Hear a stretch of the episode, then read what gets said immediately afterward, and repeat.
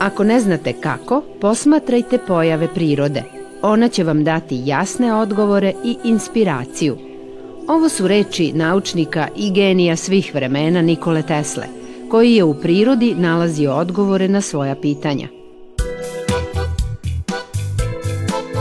Iako smo se danas poprilično odvojili od prirode koju smo nekada prirodno nazivali majkom, ona je i dalje tu, oko nas. Trpi udarce naše razmažene i razularene civilizacije i strpljivo čeka da joj se vratimo. Njene zakonitosti i principi nikada ne zastarevaju, nego nam nude priliku da poboljšamo svoje življenje na svim nivoima. Dobrodošli u emisiju Prirodnina. Sva čula su uključena, od čula, mirisa, primećujete razne stvari koje do sad niste primaćivali. Sve što se dešava s polja, na neki način se dešava i unutra. Tako da e, su čak i nazivi nekih kineskih e, akupunkturnih tačaka koji opisuju planine, reke, mora i tako dalje. Jedan od najčešće korišćenih pokreta u sistemu vežbi Qigonga. Dakle, tačka treba da se stimuliše osječnim pokretima,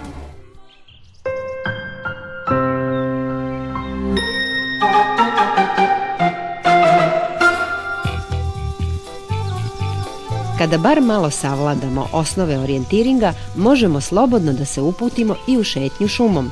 Fruška gora idealno je mesto za to, a savršen vodič koji će nas upoznati sa nekim osnovnim pravilima pre šetnje šumom je predsednik Planinarsko-smučarskog društva Železničar i sam strastveni zaljubljenik u prirodu. Prvi put kad sam došao na planinaranje ili pešačenje na Fruškoj gori, to je bilo nešto nevjerojatno za mene. Sva čula su uključena, od čula, mirisa, primećujete razne stvari koje do sad niste primaćivali. Jednostavno zelena boja, kao što svi znamo, toliko ovaj, pozitivno utiče na, na svakog čoveka da je nevjerojatno. Sam, samim tim vetar koji duva, mirise koje osetimo, ljudi sa koji šetamo, to su u principu ljudi koje poznajemo i samim tim je osjećaj nevjerojatno sa svim tim. Fruškogorski maraton definitivno kao naj, najstarija i najprepoznatljivija sportska manifestacija na ovim prostorima ima recimo njegov zaštitni znak je beo krug i crveno srce.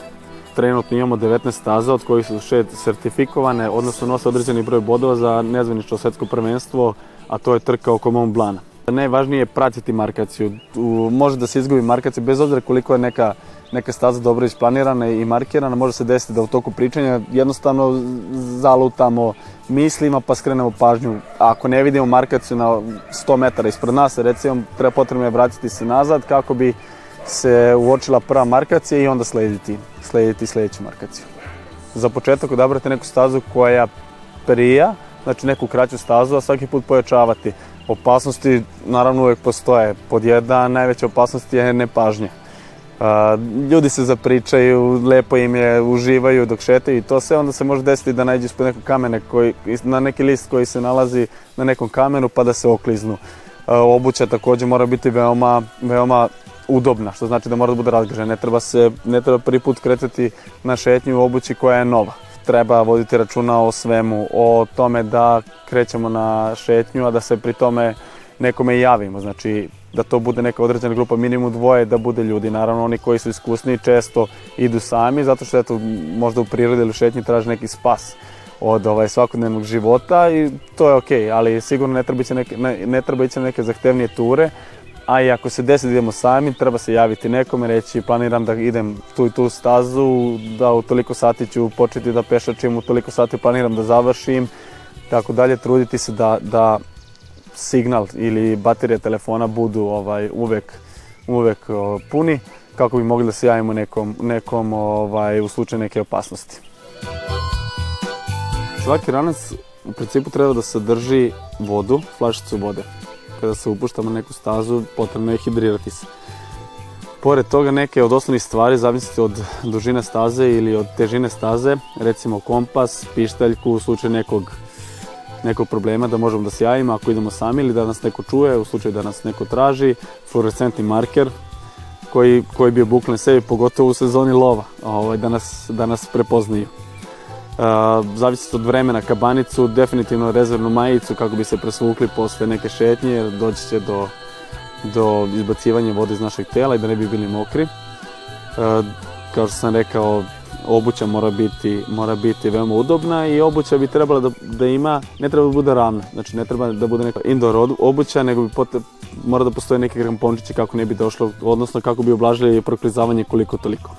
Štapovi kao nezaobilazni rekvizit što se kaže za planinarenje koji čak i do 40-50% smanjuje opterećenje na koleno prilikom uzbrdica ili nizbrdica. Znači ljudi koji nisu toliko fizički aktivni, odnosno nisu u nekoj E, zavidnoj fizičkoj kondiciji bi svakako trebali da koriste štapove jer prilikom korišćenja štapova dolazi do angažovanja mnogo većeg broja mišića uh, u čovečijem telu pa i samim tim je i neki, neki napredak mnogo brži nego kada bi recimo šetali sa rukama pored, pored tela.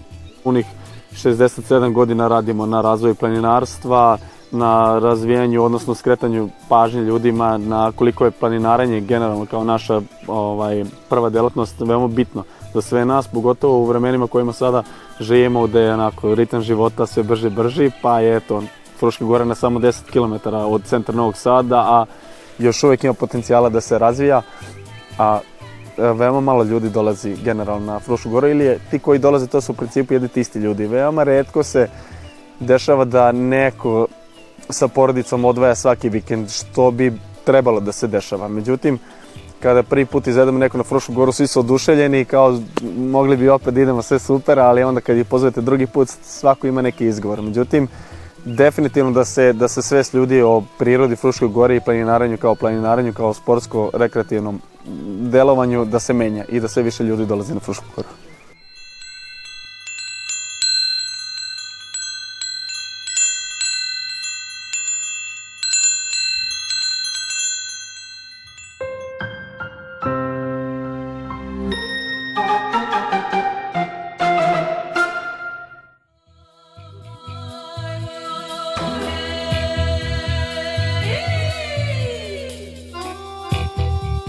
Tradicionalna medicina u svim krajevima sveta oslanja se na prirodu kao najvažniji izvor vitalnosti. Kineska tradicionalna medicina sačuvala je sva stara znanja i primenjuje ih i danas kako bi čovekov organizam održala u prirodnom balansu. Dr. Kana Žikić je nakon završenog medicinskog fakulteta Univerziteta u Beogradu nastavila svoje studije na Fakultetu kineske tradicionalne medicine u Pekingu, gde je provela pet godina – Danas joj znanje iz jedne i druge oblasti pomaže u radu sa pacijentima, a za gledaoce prirodnine podelit će neke osnove akupresure i pokazati kako u nekim situacijama čak i sami sebi možemo da pomognemo. Kod nas mnogo ljudi zna da je kineska medicina u stvari akupunktura. Međutim, kineska medicina je sama po sebi jedna zaista velika oblast i ona se bavi izučavanjem kineskog bilja, kineske masaže, ovaj, čigonga, postoje takođe dietologija kao posebna oblast, ali šta je zanimljivo i šta je danas prisutno i prisutno je u svoje većem broju, jeste da ljudi prosto žele sebe bolje da upoznaju kroz ovaj način. Pa tako, prisutno crvenila na određenom delu tela može da ukazuje na postojanje vatre, a prisustvo svraba, naročito svraba koje se možda seli sa jednog dela tela na drugi, jeste prisustvo vetra.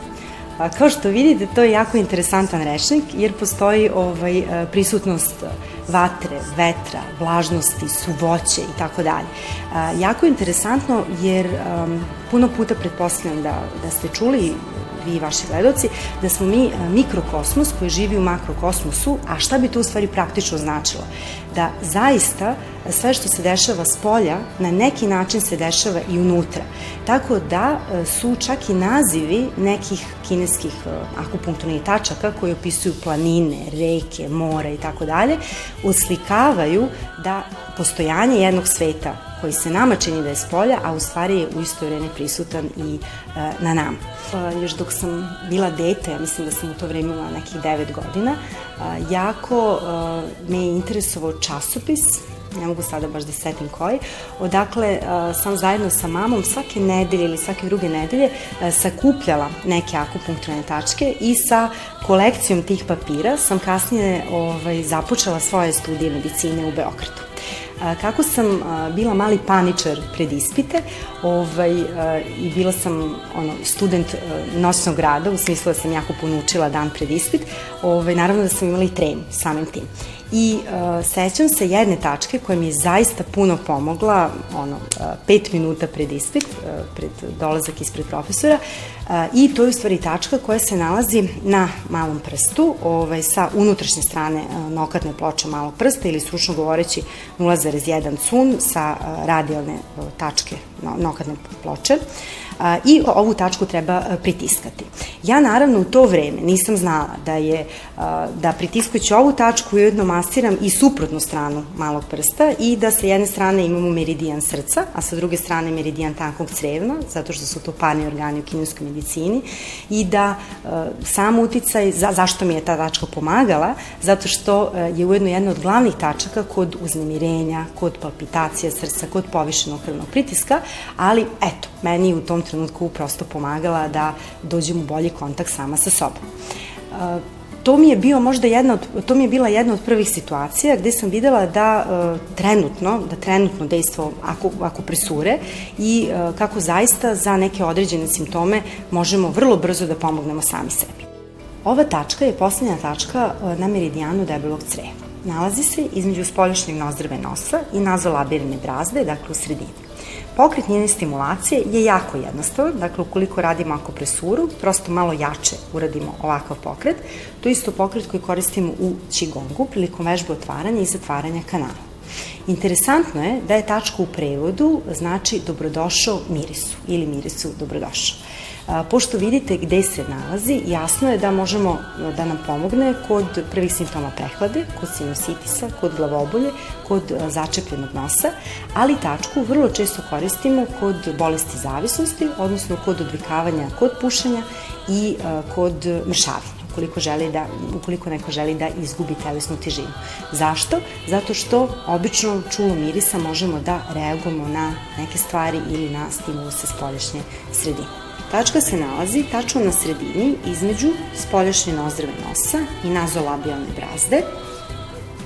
U udubljenju, dakle kad pritisnemo malo jače, java se određena vrsta senzacije ili trnjenja i na njoj radimo jedan od najčešće korišćenih pokreta u sistemu vežbi Qigonga. Dakle, tačka treba da se stimuliše osečnim pokretima, jako, znači pomerati ovaj, tkivo gore, dole, slobodno, do osjećaja toplote. Da dakle, ove prejdeo možemo da koristimo u uh, situacijama zapušenog nosa, kod prvih simptoma gripa, kod sinusitisa, glavobolja i rekli smo da se jako često primenjuje kod odvikavanja od pušenja i kod želje osobe za smanjenjem telesne mase.